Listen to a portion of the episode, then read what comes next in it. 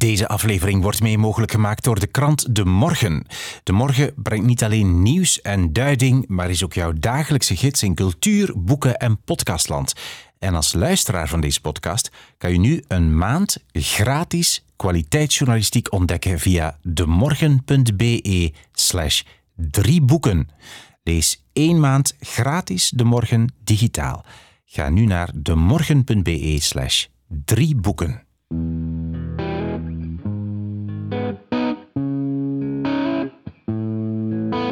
Hallo, ik ben Wim Oosterlink. Welkom bij de podcast Drie Boeken, waarin ik boekenliefhebbers vraag naar de drie boeken die wij volgens hen moeten gelezen hebben. Raymonda Verdijk is 64 jaar en afgevaardigd bestuurder van het gemeenschapsonderwijs.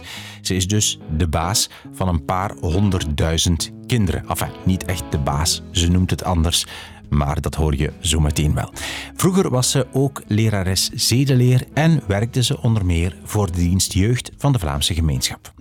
Voor deze aflevering ging ik haar thuis opzoeken in Strombik-Bever, waar ik meteen boeken zag staan in een kast en onder het glas van de salontafel. We gingen op het terras zitten om over lezen te praten. Ze vertelde over de speciale plek waar ze zich als jong meisje verstopte om te lezen, over het boek dat haar moeder haar cadeau gaf, over haar band met Zuid-Afrika en haar ontmoeting met Nelson Mandela. Alle details over de drie boeken die ze gekozen heeft en over de andere boeken en auteurs die we noemen in deze aflevering vind je op de website wimoosterlink.be in een lijstje onder het kopje podcast Drie Boeken. En dan nu veel luisterplezier met de drie boeken die je moet gelezen hebben, volgens Raymonda Verdijk echte ontspanningsmomenten in het lezen, dat is voor de vakantieperiodes. We hebben net de vakantie achter de rug, dus dan duik ik wel, uh, wel in de boeken en dan lees ik wel. Maar uh, ja, tijdens het schooljaar, om het dan zo maar te benoemen, zit het heel vaak toch meer in uh, alles wat het ja, vakgebonden, domeingebonden is. en is er ook heel weinig tijd om, om eens rustig in de zetel te gaan zitten en te lezen. Ik ben ook heel veel weekends op stap. Hè. Ik wil echt ook wel heel veel contact hebben met scholen. Dus elke keer uh, dat ze mij uitnodigen, ga ik met veel plezier. En mijn medewerkster vindt dat ik te weinig nee kan zeggen of dat soort dingen. Maar ik vind dat ongelooflijk belangrijk, omdat je dan met mensen kan praten. Je ziet wat dat ze doen. Het is plezierig om dat samen met hen te kunnen delen. Dus dan schiet er het in het weekend ook weer over om, uh, om te lezen. Ja. En als het dan gebeurt, je zegt in de zetel, is het dan hier in de zetel? Nee, het is uh, de individuele zetel uh, Ginder. Ik had nogthans een ander hoekje gemaakt om te lezen, maar ik heb dan toch uh, hier net achter de hoek staat ook nog een zetel met daar een kast waar boeken ook in zitten. Maar finaal, omdat bij het open raam, zeker als het mooi weer is, en dan kan ik uitkijken. Het is geen grote tuin, maar het is een fijne tuin. En dan kan ik er ook op uitkijken. Of als het uh, inderdaad het weer toelaat, dan uh, zit ik ook wel hier waar dat wij op dit ogenblik zitten. Op terras, ja. Maar je, je, zit, ja, je zit iets meer in het licht daar in de, de, kleine zetel. Ja. Ah, ik heb nu de boekenkast niet gezien eigenlijk, maar staat, ja. ik, mag ik even een blik werpen? Ja, maar het is, maar een, het is echt achter de hoek hoor. Dus je moet ah, okay, een eindje wandelen. Maar ik heb boven ook nog, nog de, de meeste boeken zitten, zitten boven. En hieronder, ik heb een salontafel met een dubbele laag. En daar liggen ook nog van alle boeken onder. Zowel uh, fictie als uh, non-fictie. Dus daar zit nog heel wat literatuur die er moet aankomen. En zijn dat dingen die nog moeten gelezen ja, worden? Ja, het grootste deel wel. Of dingen waar ik al in begonnen ben. Maar uh, ik lees soms ook wel wat afwisselend fictie, non-fictie. Um, als, als ik terug iets meer in een roman wil duiken, leg ik het andere eens opzij. en dat ligt dan, dan hier altijd klaar om... Uh, je, je, wisselt echt af zo. Je gaat echt zo van een roman naar de ja, dossier. Ja, ja, dat kan ik wel. Dat is uh, niet het probleem. Nu, ik, ik lees ook, ook ontzettend graag. Um, het is een anekdote, maar uh, als mijn uh, ouders niet goed wisten waar ze hun dochter moesten vinden destijds, dan kwamen ze onder de tafel in de living kijken en dan lag ik daar op een kussen met een boek. ja, en daar kon ik van genieten. En dan is de wereld ook weg. Hè. Dan kan er bij wijze van spreken een boom naast mij vallen, dan zal de iPad of de smartphone, die zal niet meer uh, bovenkomen. Dan duik ik er ook, ook wel echt in. Dat is iets minder uh, met alles wat ja, meer de, de non-fictie is, omdat ja, dan, dan moet je soms ook al een keer, het, is, het is soms wat droger en dan moet je, vind ik dat, dat ik ook wel eens moet kunnen aflossen en afwisselen. Daar kruip je niet zo in natuurlijk. En je zegt, dus als kind, en hoe oud was je toen, toen je dat deed? Goh, ik ben eigenlijk van, van als ik kon lezen beginnen, beginnen lezen. Um, ik heb een, uh, een opa die mij daarin uh, inspireerde, die daarin, uh, of hij had een opa, want de man is overleden, die, die heel veel boekjes had, die ook ongelooflijk kon vertellen en die dus op die manier ook wel, wel inspireerde. Mijn moeder las ook ontzettend graag. Ik heb ook wel een aantal dingen van haar geërfd. Een van de boeken die ik gekozen heb, Het Huis van Mama Pondo, is bijvoorbeeld een boek dat zij meegegeven ah, heeft. Okay. Gaan we het straks over hebben? Ja, En ook om twee redenen, omdat ze wist, maar we zullen het straks wat dieper vertellen hoe ik met Zuid-Afrika begaan was. Maar ze is een dorpsgenote van Arster Berghoff en heeft hem ook gekend, dus vandaar ook wel. En, en je zegt jouw opa, uh, wat voor boekjes gaf die dan? Goh, heel vaak historische dingen. Ehm, omdat hij heel erg uh, begaan was zelf met uh, alles wat de, de, geschiedenis was. Ik heb in de lagere school, toen bestonden nog de historische verhalen. Hè, de boekjes die de geschiedenis... Hè, wat mij nog altijd bijgebleven is, is het boekje over de heksenwaag. Hè, bijvoorbeeld, wat, wat je dan als 19-jarig kind kon, kon lezen. Maar waar dat je een stuk ook inzicht kreeg over wat heeft dat betekend, heel die vervolging uh, in die, die periode van wat men dan als seks uh, definieerde. En dat brengt ook wel inzicht over hoe een samenleving in elkaar zit. En op die manier leer je een aantal dingen, maar leer je ook het plezier om dingen te lezen uh, op, een, op een fijne manier, omdat het ook heel boeiend beschreven was. Men maakte daar ook persoonlijke verhalen van. En op die manier raak je toch wel een stuk in, in dat lezen ook. Maar zo'n mooi beeld dat je zoals meisje dan zo onder de keukentafel je bijna verstopt. Ja, ja, ja ik verstopte mij, mij ook echt omdat ik dan uh, gerust kon, uh, kon zijn van het leven, leven er rond. En dat was ook mijn, uh, mijn eigen intieme hoekje, wat nu mijn zetel geworden is, om, om in de, de boekjes te kunnen, te kunnen duiken. Nam jouw opa je dan ook bijvoorbeeld mee naar de bibliotheek of zo? Of nee, we woonden te ver van elkaar daarvoor. want mijn grootouders woonden allemaal, uh, zowel van vaders als moederszijde, in de Antwerpse Kempen. En wij woonden in Wilselen tegen Leuven. Dus, of, en op dat ogenblik zelfs nog in Duitsland, want mijn, moeder, mijn vader was militair. En we hebben een periode, ik heb kleuterklas en eerste leerjaar in Duitsland uh, gedaan. Dus we hebben een periode gehad dat we echt heel ver woonden. Uh, maar gewoon het krijgen en er iets mee kunnen doen. En de momenten dat we elkaar zagen. Want we verbleven de hele kerst- en paasvakantie. Verbleven we dan in België bij de grootouders. Ja, dan uh, word je wel meegenomen. En de, ben je dan ooit in jeugd naar de bibliotheek gegaan? Ja, ja, dat, dat in elk geval wel. En dat werd ook, uh, ook vanuit de school, ook in de lagere school. En uh, in de secundaire school was er ook een bibliotheek uh, aanwezig. Kregen we ook de verplicht te lezen boeken.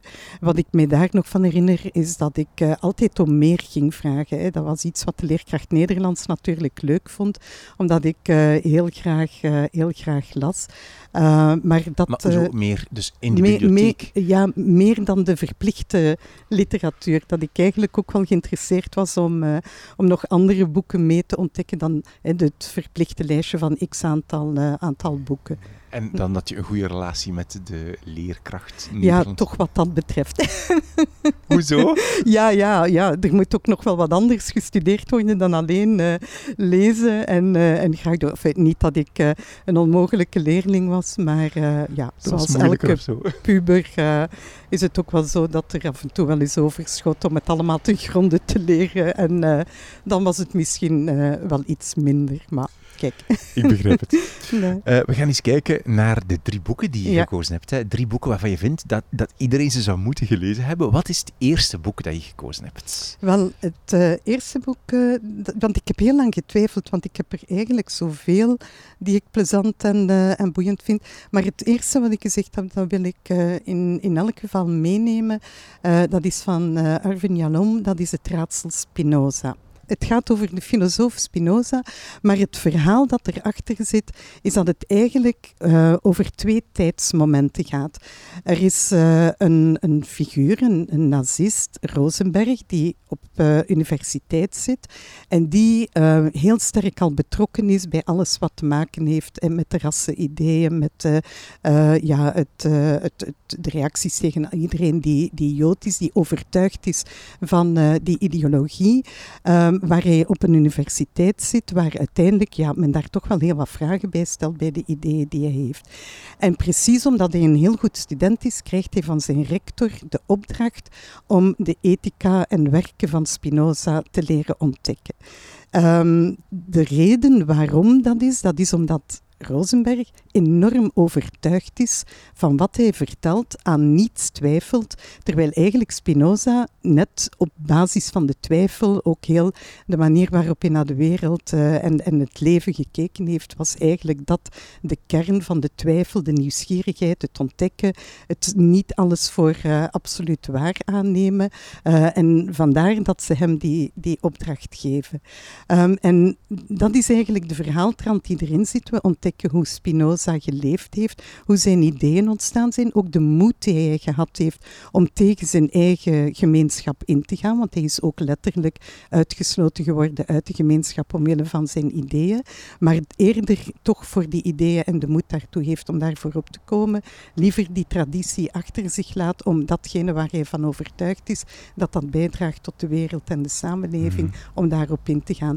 En dan de confrontatie met de andere man, die eigenlijk heel sterk uitgaat van de waarheid zit in de theorieën die ik gekregen heb, die ook heel nauw, het is, het is een, een echte, het is geen, geen fictief, de beide zijn echte, echte figuren, dus die ook heel dicht bij Hitler heeft gestaan en ook daarmee de ideologie verder vorm gaan geven is. Ja, sorry hoor, dat ik onderbreek, maar dus het, je zegt het zijn echte figuren. Ja, Spinoza, Spinoza uiteraard, en de Rosenberg ook. Maar het is wel, er staat roman, dus het is niet echt gebeurd. Nee, het, het verhaal is niet, uh, is niet echt gebeurd, maar het is omdat uh, het vertrekt vanuit uh, ja, de, de, het Spinoza Museum, waar men de werken die ooit in het huisje waar Spinoza ook geleefd heeft, terug samengebracht heeft. En waar Rosenberg ontdekt dat die ooit uh, aanwezig geweest zijn. En dat is eigenlijk waarop de roman gebaseerd is, om vanuit dat vertrekpunt te zeggen, nu doen we de zoektocht naar wie is Spinoza geweest en wat heeft uh, dat aan betekenis uh, gehad binnen, binnen ja, de, de andere figuur en de rol die, die hij gespeeld heeft. Maar wat in elk geval duidelijk is, is dat de twijfel daar niet toegeslagen is. Want in tegendeel, hij is dus heel nauw gaan uh, samenwerken en collaboreren. Uh, onder andere letterlijk met, uh, met Hitler zelf. Maar in een van de, de zinnen die, die in het boek is, is dat men hem vraagt: wat heb je nu over de figuur Spinoza geleerd? En daarop antwoordt de man, in, het, in de roman uiteraard, dat behoorde niet tot mijn opdracht. Dus om maar te laten zien hoe het kijken naar wat men, uh, men aanreikt, um, hoe dat ja, vanuit de, de manier waarop je ook in, in het leven staat. En het is ook, en vind ik ook heel mooi, want hij geeft dat ook aan, en Etienne Vermeers heeft dat ook ooit gezegd, dat als je werkt op basis van inzicht en onderzoek, en als we dat met z'n allen wereldwijd zouden doen, dat je dan eigenlijk een ongelooflijke verbondenheid ook hebt. Want als we vanuit dezelfde inzicht die, die ja, feitelijkheden zijn en onderzocht zijn, dingen kan opbouwen. Ook al kijk je anders naar de wereld, heb je een andere visie op hoe het zowel politiek als filosofisch zou moeten georganiseerd worden. Maar als je eenzelfde basis kan hebben, dan ben je ongelooflijk met elkaar verbonden en heb je ook een heel mooie basis om eigenlijk dingen samen op te kunnen opbouwen. En dat is voor mij, spreekt mij zo aan, omdat dat ook is wat ik probeer samen met mijn collega's in ons onderwijs, in ons GO te doen, van uit te gaan van die verbondenheid, uit te gaan van de twijfel en uit te gaan van het onderzoek om jonge mensen op die manier kritisch in de, in de wereld te laten staan, met een open blik in de wereld te laten staan uh, en te zorgen dat ze inderdaad ook naar de ander kijken met een open blik en niet vanuit de waarheid die geen absolute waarheid sowieso ja. is. En ben je niet bang dat het een soort in de huidige evolutie van de maatschappij een soort vechten tegen de bierka is wat je aan het doen bent? Het is wel, allez, het is wel een groot contrast, dit boek nu, met wat er in de samenleving op dit moment aan het gebeuren is. Hè? Ja, dat klopt, maar des te belangrijker is het om, uh, om dat ook mee te geven aan, uh, aan onze jonge mensen. En wij, wij werken heel sterk rond hè, dat burgerschap, dat actief burgerschap. Zorgen dat inderdaad de, de jonge mensen, en ik vind dat altijd zo fantastisch, want ik zeg dat ook heel vaak, onze school zijn eigenlijk fantastische oefenplaatsen. Ze komen er allemaal samen, de verscheidenheid is groot. Ze krijgen ook, uh, ook de basis van kennis, het inzichtelijk leren werken, het vraag stellen van dingen, het bevragen van dingen. En bijvoorbeeld ook rond hoe ga je om met informatie vandaag de dag. Dat is iets anders dan wanneer ik in, uh, nog op school zat. We hadden het daar straks over mijn uh, jonge jaren in de lagere school. Als wij op reis gingen, en dat was een wereldreis voor ons, dan gingen wij vanuit Leuven naar de Leeuw van Waterloo. Vandaag zit gewoon de wereld bij onze jonge mensen compleet binnen, hè, via alle mogelijke technologieën. Dus is het ook belangrijk van hen daarin ook nog ja, goed vaardig te maken om daarmee te leren omgaan. Jij um, hebt moraalfilosofie, moraalwetenschap, ja. moraalfilosofie gestudeerd. Ja. Een, eigenlijk een, een uh, ja, dat is een deel van de afdeling filosofie. Hè. Uh, was je toen al zo gefascineerd door Spinoza? Nee, zeker niet, omdat uh, voor mij was dat op dat ogenblik een, een grote onbekende toen ik begonnen ben. Maar het is wel zo dat het, ja, we hebben heel, heel wat um, filosofen mee bestudeerd in die grote stromingen die in die verlichtingsperiode ook zaten. en Spinoza is daar voor mij toch wel inderdaad een figuur geweest die eruit sprong. Omdat wat mij daarin ook, ook treft, hè, want ik heb naast het, de roman ook wel, wel andere dingen nog van en over hem gelezen. Dat is dat hij toch wel heel sterk uitgaat van de reden en het inzichtelijke, maar dat hij ook wel het gevoel niet uitsluit. En dat de combinatie van hart en reden ook wel een belangrijk iets zijn. We zijn als mens niet alleen maar het, de ratio, het verstand en de reden. We zijn ook gevoelsmensen waar ja, traditie, de sociale component, hè, want de man moet ongelooflijk eenzaam geweest zijn, gezien hij het heel zijn uh, gemeenschap is uitgesloten geweest. En eigenlijk ook ja, dan, dan uh, een leven heeft geleid wat toch wel uh, een heel solitair gegeven. Hij had wel in zijn omgeving ook verlichtingsdenkers die, waar hij mee, mee kon voeren en die hem ook wel gesteund hebben, die buiten de Joodse gemeenschap stonden. Maar ik vind ook wel heel belangrijk die combinatie van, van de twee. Um, omdat ik dat ook belangrijk vind in het leven, dat je niet alleen op, op de reden moet werken. School zeg ik ook altijd om toch ook terug te keren. Ik zal dat vaker doen, omdat dat nu eenmaal eh, ook uh, de job is. School is voor mij ook meer dan alleen maar kennis doorgeven. School gaat ook over leren hoe je als mens in de wereld staat, hoe je met gevoelens en met passies uh, kan omgaan uh, en hoe je met elkaar kan omgaan. En we zijn een sociaal wezen.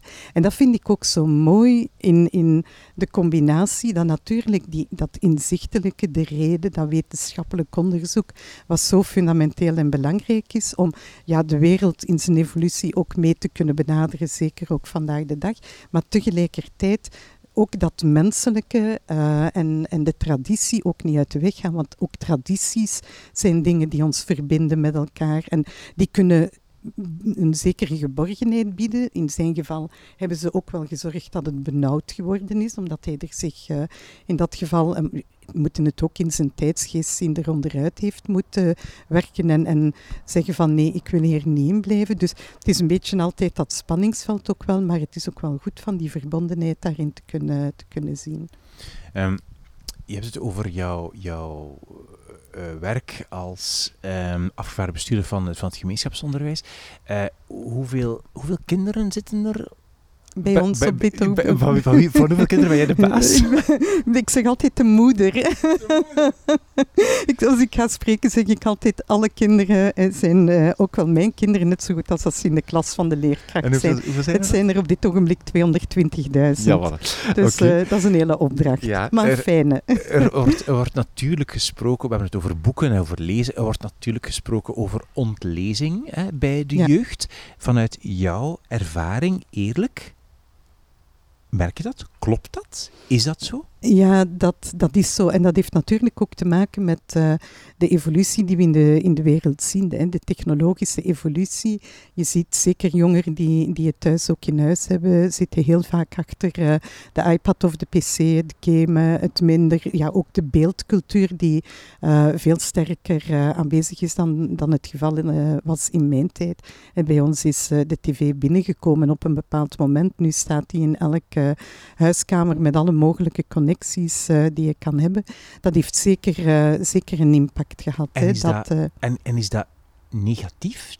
Dat, dat feit, die ontlezing? voor jou? Um, de, de vraag is, is het, is het echt negatief? De vraag is vooral, missen ze inderdaad niet een aantal dingen? Hè? Omdat ik denk, um, ja, het, het, uh, het geschreven woord en de, de schoonheid van, uh, uh, van de manier waarop men dingen beschrijft, waar dat je je zoveel directer nog kan, kan inleven en, en, en zelf dingen kan visualiseren dan wanneer ze gevisualiseerd worden via de, beeld, de beeldcultuur dan um, is toch wel iets van een, een ongelooflijke schoonheid die ik graag heb, dat jonge mensen ze ook meekrijgen.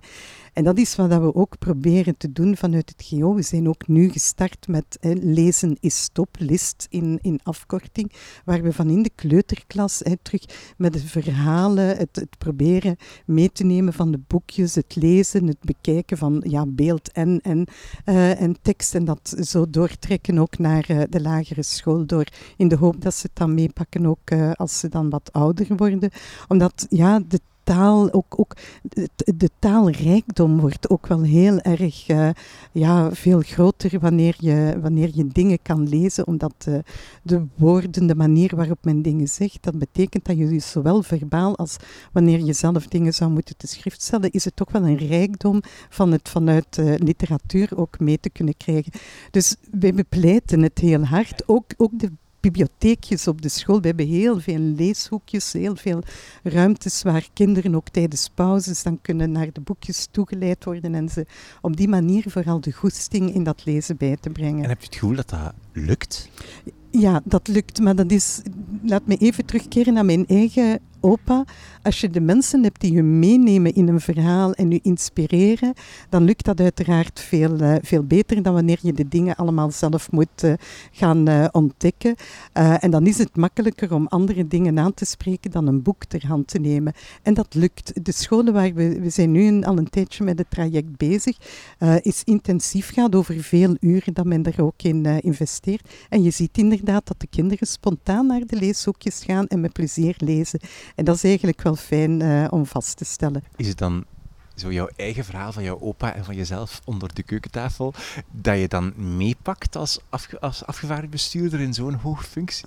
Um, ja, nee, ik heb het eigenlijk nog nooit op, uh, op een school uh, als dusdanig uh, verteld. Ik heb wel al verteld dat ik dat lezen zo plezier is, dat je echt in een verhaal kan kruipen, dat je dat eigenlijk zelf mee kan beleven en dat wat je anders gewoon ziet hè, op de, in de beelden in een film, dat je ze zelf beleeft. Je bent zelf eigenlijk mee een persoon personage in het verhaal, doordat je mee, een, stukje niet meer de pure toeschouwer bent, maar mee in het verhaal inkruipt en ook, uh, ook echt wel mee, mee gaat leven en mee gaat beleven. Mm. En dat, uh, dat, dat beklijft zich. Ik ga altijd in de... Ik hoop dat ik het nu kan doen, want ik heb, ben al ge, gevraagd en ik heb ook al toegezegd in de voorleesweek uh, die in de loop van dit schooljaar, ik denk november, als mijn geheugen mij niet in de steek laat, eraan komt. Ik hoop dat het kan, want ik vind dat ontzettend plezierig om met de... Ja, het zijn dan lagere scholen, om met de leerlingen en dan de vraagjes en daarna het verhaal nog eens samen doornemen nemen en vertellen. Dat vind ik ontzettend leuke, leuke momenten. En ik hoop dat ik hen daarin ook inspireer om, uh, om de boekjes nog meer ter hand te nemen. Oké. Okay. Jouw eerste boek was Het raadsel Spinoza van Irvin ja. D. Yalom. Ja. Precieze schrijfwijze. Zie de show notes. Oké, uh, wat is jouw tweede boek? Het uh, tweede boek dat ik gekozen heb is van Saramago, De Stad der Blinden. Um, is, is al een wat, wat ouder boek. De Trazzo Spinoza is wat recenter. Uh, maar het, het sprak mij aan omdat ik zo'n gevoel had van... Eigenlijk beleven we met de COVID-periode een beetje een situatie gelukkig veel minder dan het extreme verhaal waar in, in een stad, waarschijnlijk Lissabon, gelet op zijn achtergrond, één iemand blind wordt en iedereen mee door de epidemie gevat wordt. maar waar één personage zinde blijft, die dan ook heel wat organiseert om te zorgen dat er toch solidariteit, ondersteuning is, uh, dat mensen geholpen worden, uh, die zich ook zelf mee opoffert in heel moeilijke, conflictueuze situaties waar een groep van blinden de macht overneemt in de quarantaine waarin ze geplaatst zijn. En waar voor mij zo dat, een stukje naar de COVID-periode, waar we ook die quarantaine, die epidemie die toch wel uh, een impact heeft, en toch ook wel beelden die we in het begin gezien hebben, uh, op het ogenblik dat de epidemie ook hier een feit was, hoe de winkels bij wijze van spreken leeg geroofd werden, uh, omdat men bang was dat er onvoldoende voorraad zou zijn, waar op dat ogenblik ook vooral dat, dat persoonlijke uh, en dat persoonlijke belang naar voren geschoven werd, eerder dan te bekijken van oei, we zitten hier in de samenleving, ondanks het feit dat men zei er is genoeg, er is voldoende, uh, zag je toch wel een aantal mechanismen bovenkomen.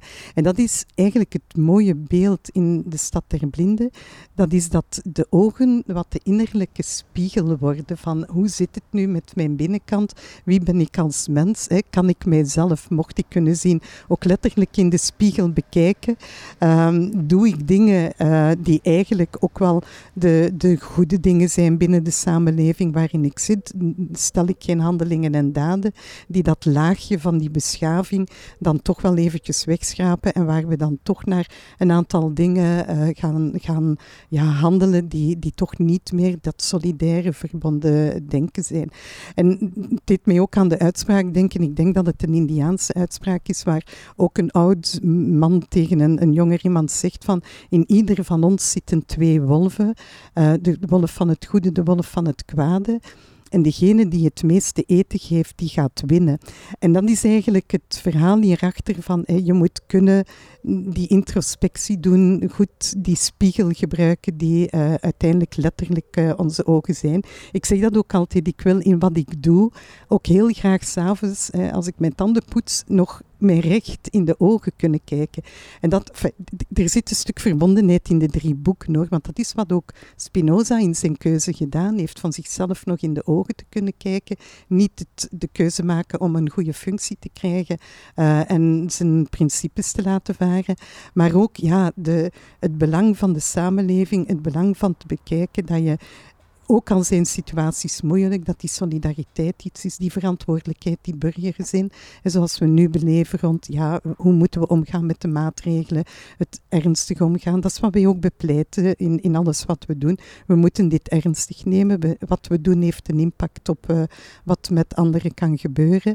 Um, en het is ook beschreven op een manier dat je, je kan niet stoppen met lezen. En wat je bijvoorbeeld zelfs niet merkt, want het is, ik heb het later ook maar beseft, is dat uh, Saramago gebruikte heel rare of nauwelijks leestekens. Dus die zinnen die, die worden aan elkaar gebreid en toch lees je dat als een trein en, uh, en, en ja, geeft dat niet, niet een rem van te denken, oei, ik, ik ben niet mee met die zin. Dus zijn taal is ook, uh, ook het is natuurlijk in een vertaling dat ik het gelezen heb, maar het is zeer mooi vertaald. Het is ook, uh, ook heel, heel mooi. Zelfs in de rauwste dingen die je beschrijven blijft het ook nog, nog, nog ja, een, een, in het taalgebruik een, een, mooi, een mooi gebruik. En wie heeft jou dit boek ooit aangeraden? Hoe ben je op dit boek of op deze auteur ooit gekomen? Um? Ja, een, een beetje ook omdat uh, Saramago op een zeker moment ook wel sterk in, in de picture stond. Want ik heb verschillende boeken van hem gelezen. Ik heb ook De Stad der Ziende gelezen. Uh, alle namen bijvoorbeeld. Dus, en om, ja, door te horen van, tja, eh, of iets te lezen. Ik lees ook in de, de kranten de, de bijlagen waar de boeken in staan. Om eens te bekijken van wat uh, staat eraan boeiende, boeiende en interessante boeken die mij ook aanspreken. Want ik, ik kijk ook wel naar, een stukje naar de inhoud. Je zoekt ook wel naar datgene wat je, wat je aanspreekt, uh, natuurlijk. Uh, en op die manier, en ik ben dan zo door hem uh, ja, aangesproken geworden dat ik er nog wel een aantal gekocht en gelezen heb. En heb je dat vaak bij auteurs, dat je als je één boek goed vindt, dat je dan alles wil lezen of er veel, niet alles? Ja, veel, veel wel, maar niet, niet alles. Ik niet heb zo, Nee, nee, ik heb zo'n periode Isabel uh, Allende gehad. of, ja, ik ben altijd slecht in uh, Murakami. Heb ik ook uh, een, uh, een periode, periode. gehad. een periode. Maar het is niet zo dat ik denk, oh, ik moet ze nu, nu allemaal, allemaal gelezen hebben. Um, zit je nu ook in een bepaalde periode? Op, op dit moment niet, niet echt, niet, niet direct dat ik... ik ben op dit moment het leven van een hond aan het, het lezen. dus ja, ja. ja. Uh, dus nee, het is, uh, het is vaak heel wisselend uh, van, van wie mij, mij inspireert, wat de cover mij, mij vertelt. Ja, ja. Ook ik ben, dat is dan de, de non-fictie. Ik ben ook tegelijkertijd de meeste mensen deugen aan het lezen op dit ogenblik. Dus wat, ja, ja, dus, goed. Ja, of het, is, het is ook heel, heel gepopulariseerd, maar het geeft heel veel inzichten van inderdaad wat we vaak krijgen, dat zit hier natuurlijk ook een stukje in. Ook, ook Saramago geeft eigenlijk een, beetje een zwart beeld van wat de mens is. Hè. Dat beschaving een laagje vernis is, dat heel rap kan weg, weggeraken. Uh, maar het leuke aan de meeste mensen deugen is dat inderdaad ook meegegeven wordt. We krijgen ook een aantal studies, niet direct in de picture, waaruit blijkt dat er toch ook wel ongelooflijk goede dingen gebeuren in de meest moeilijke omstandigheden. En dat is een beetje ook zo wat mijn, mijn drive van, ik ben ervan overtuigd, dat zijn die twee wolven. Hè. Het is degene die het meest voedt, wat je ook wel uh, op dat ogenblik laat, eh, die je dan ook laat overwinnen. En dat is uh, een beetje ook vanuit uh, dezelfde ja. gedachte dat ik dat boek ook, ook even erbij wou nemen. Je, je zei daar straks dat het sprak een beetje, zei het woord niet, maar een beetje page-turner-achtig. Dat je eigenlijk bijna niet kan, kon stoppen met lezen van in dit boek, In de Stad der Blinden van Saramago. Uh, herinner je nog wanneer dat was? Wanneer je dat dan gelezen hebt? En dat, dat, echt, dat je echt zo lang doorlas? Heb je dat vaak met boeken, dat je lang doorleest? Ja, als ik kan uh, lang doorlezen in elk, uh, in elk geval. Hè. Dus als ik aan het lezen ga, dan dan is het echt lezen. Ik ben nu op vakantie geweest. Op dat ogenblik neem ik de boeken ter hand. Als we, dat is dan echt wel een aantal uren. De, voor mij is vakantie zelfs als ik weg ben, ga ik ook lezen. Ik vind dat niet, niet erg van. ook al ben ik ben nu niet echt naar het buitenland geweest. Ik hoef niet alle musea gezien te hebben. Voor mij is het kunnen lezen, ook op een andere locatie, ook al... Uh, uh, ook al heel waardevol. Ik weet het eigenlijk niet meer wanneer ik het, uh, het boek uh, gelezen heb. Ik kan er geen jaartal meer, nee, meer op plakken. Nee. En je zegt van, als je, als je op vakantie gaat, kies je dan vakantieplekken in functie van te kunnen lezen? Nee, ah, Dat, uh, dat doe ik niet. Ja, of, ik ga wel altijd naar vakantieplekken waar ik ook wel kan lezen, maar ik kies ze niet echt in functie van hier kan ik nu ook, uh, ook mee terugtrekken. Dat doe ik niet. Nee, nee. Wat ik wel vaak doe is proberen, soms lees ik dan dingen die met mijn vakantieplek te maken gehad hebben. Hè. Dat, uh, zoals van Zafon rond uh, Barcelona bijvoorbeeld. Of Grip, wat dan over Noorwegen gaat, maar de auteur ontsnapt mij nu even. Ja, ja, inderdaad. Ja. Dus, uh, en dat is dan ook fijn, omdat je dan nog eens herbeleeft wat dat je geweest bent. Dus, en lees je het dan voor je er bent? Nee, tijdens, daarna. Of daarna? daarna. Ah, ja, daarna. Ja, ja. Ah, want wat ik heb, is als ik... Um, Safon lees of zo, dan, dan wil ik die plekken bezoeken. Ah, die in het boek staan. Dus dan heb ik van, nee, nee, nu moet ik terug. Dus ik zou het liever lezen terwijl ik er ben. Maar jij wil achteraf. Ja, en omdat ik ze dan ook wel heel vaak terug herken. En ondertussen ben ik, nadat ik het gelezen had, ook al nog, nog vaker in Barcelona geweest. En dan zie je natuurlijk ook wel de plekken terug die in het boek ook beschreven zijn. Dat, uh, dat klopt. Maar ik, ik wil graag, ik vind dat een beetje ook de, de natuur. Ik wil ook de stad gewoon zo uh, kunnen ontdekken. En dan lees ik daarna. En ondertussen, ja, dan zie ik nog wel eens als ik er terug ben, wat ik uit het boek ook, uh, ook meegenomen heb. Ja. Oké, mooi. Jouw tweede boek was José Saramago, De Stad der Blinden. Wat is jouw derde boek? Het uh, derde boek, ik heb er daar straks al heel eventjes uh, naar verwezen, is uh, het boek van Aster Berkhoff, Het Huis van Mama Pondo. Um, dat heb ik eind jaren 90 gelezen, 697. Heb ik ook inderdaad van mijn moeder gekregen.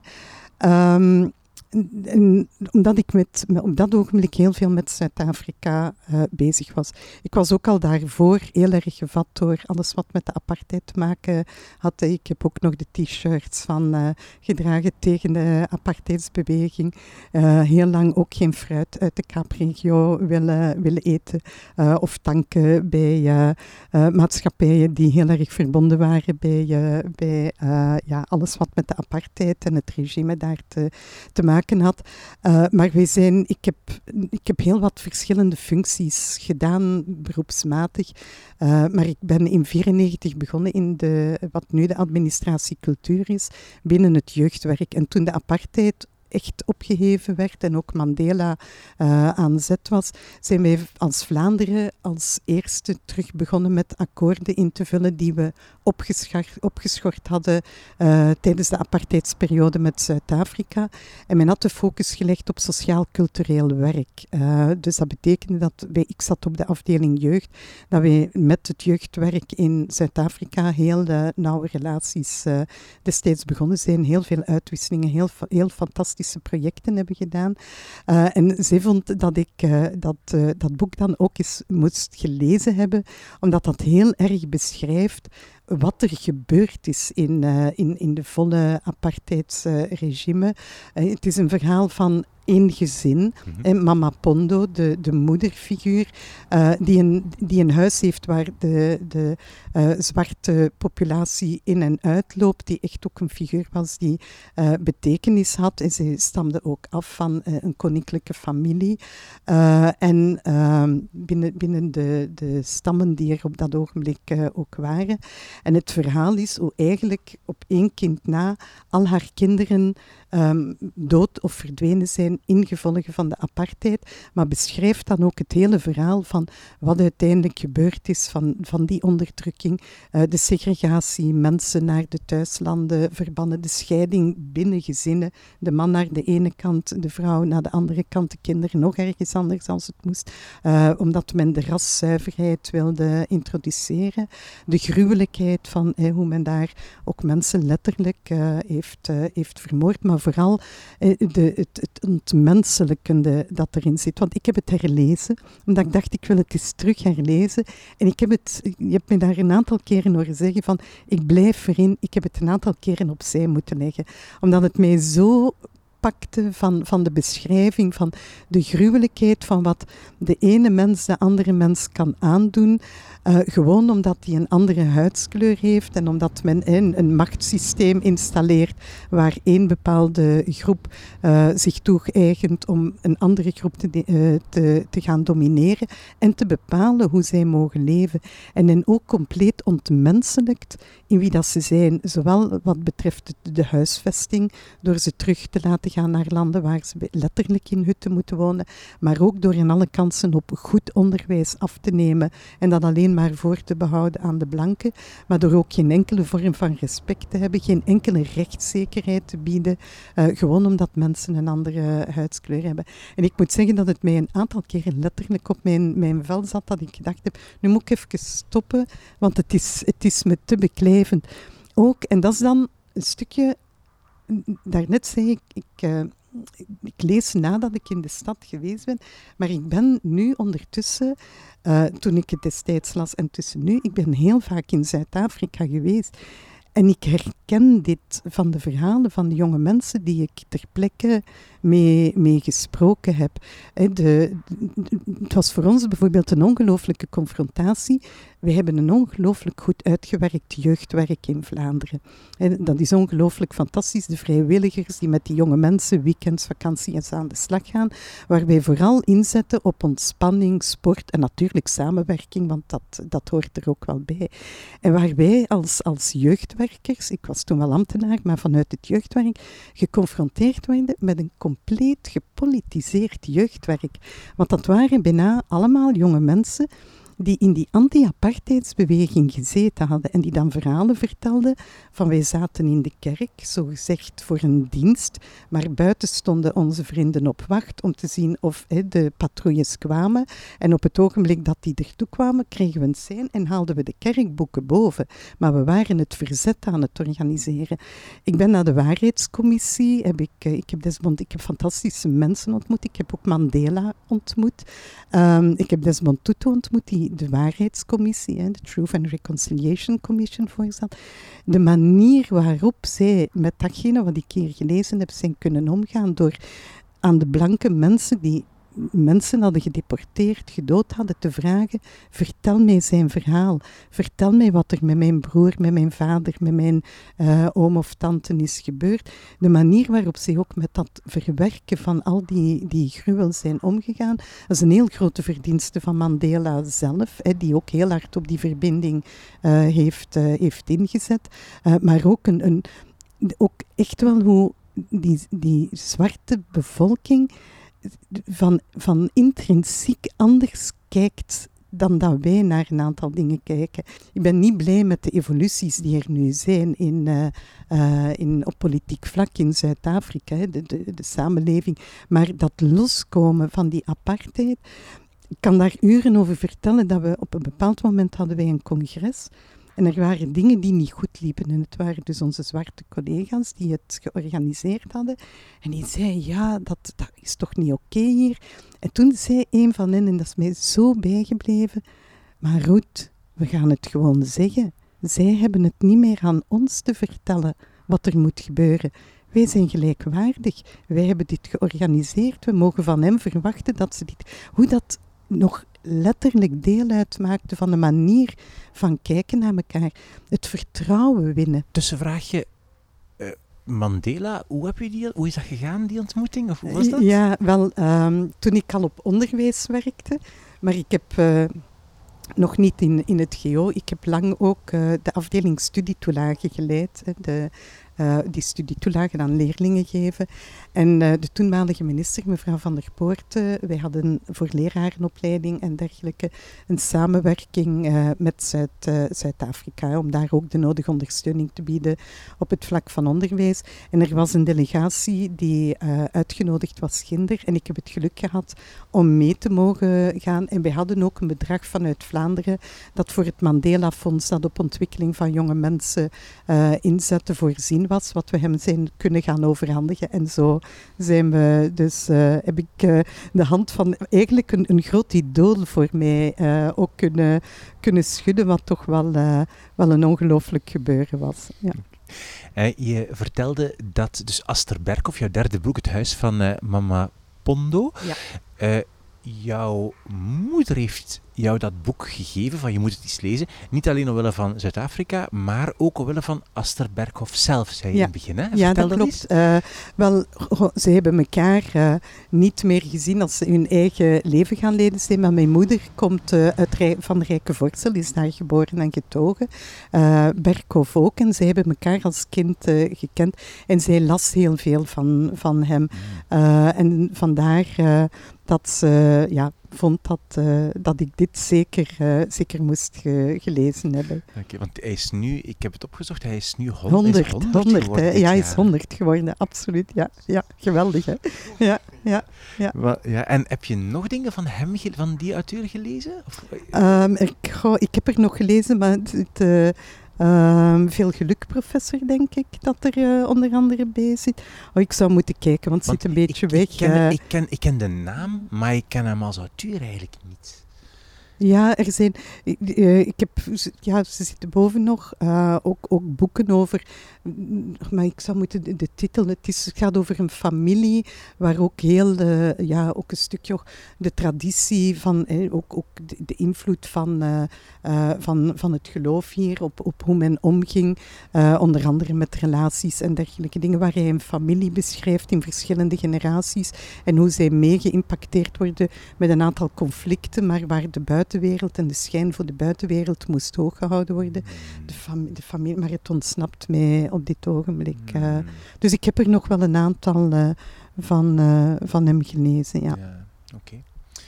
Okay. Um, jouw drie boeken, je hebt het zelf al gezegd, maar jouw drie boeken zijn alle drie boeken inderdaad waarin, ehm, ja, waarin er veel aandacht is voor het, het goede. Hè? Het zijn eigenlijk... Ja, ja. Allee, ik, ik, weet niet of het woord moraliseren mag gebruiken. Het is niet zo, dat mag ik niet zeggen. Nee. Kijk, oei, nu kijkt hij heel zo, heel zo verkrampt. Nee, niet moraliseren, maar er zit wel een, een, uh, een, een, een, een, een, moraal in. Ja, ja, ja, ja. En is dat dan iets wat je altijd doet? Of doe je dat nu voor mij, die drie, dat het drie boeken met een waarin die moraal zo belangrijk is?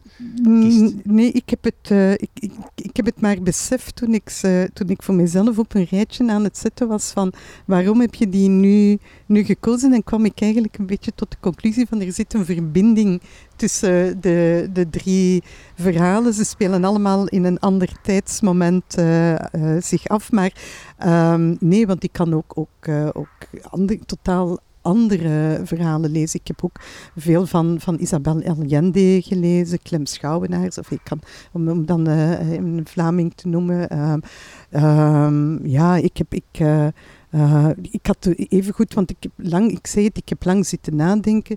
Uh, er zijn uh, nog, nog andere boeken die ik, ik heb ook Amos Os gelezen en dergelijke. Dus er zijn zoveel, het is niet dat het altijd iets, iets van een morele bodem moet hebben om, om mij te kunnen boeien. Hè. Het mogen ook, ook ja, meer fantastisch. Murakami is, is, is, is van een heel andere orde bijvoorbeeld maar ik kan daar ook van genieten, van hè, de wereld die hij creëert, de wereld die hij ook vanuit zijn personages creëert.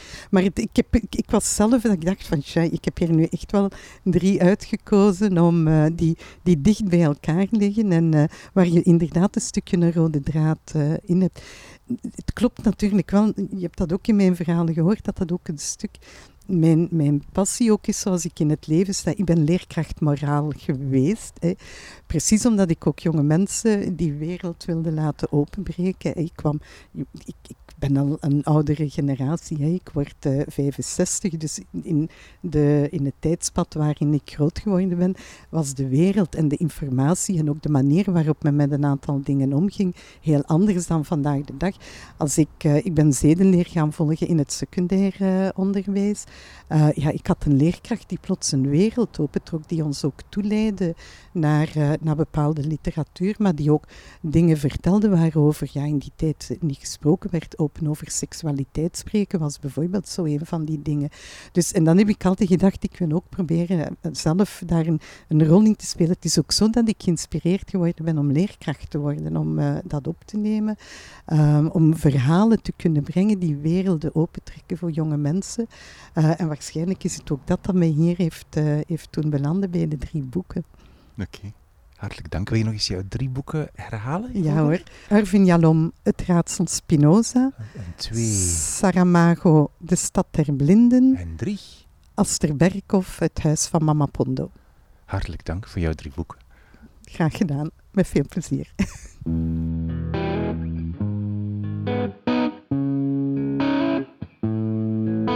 Zo, dit was mijn gesprek met Raymonda Verdijk. Alle info over de boeken en de auteurs die je gehoord hebt in deze aflevering staat op de website wimoosterlink.be onder het kopje podcast 3 boeken. Daar vind je ook alle andere afleveringen van deze podcast. Ga maar eens door. Er zit wel iets tussen wat je interesseert wellicht. Uh, als je mij een plezier wilt doen, laat dan vandaag of morgen aan twee vrienden of vriendinnen weten dat ze ook eens naar deze podcast moeten luisteren en hoe ze dat moeten doen. Dankjewel. En bedankt om te luisteren. Tot de volgende keer.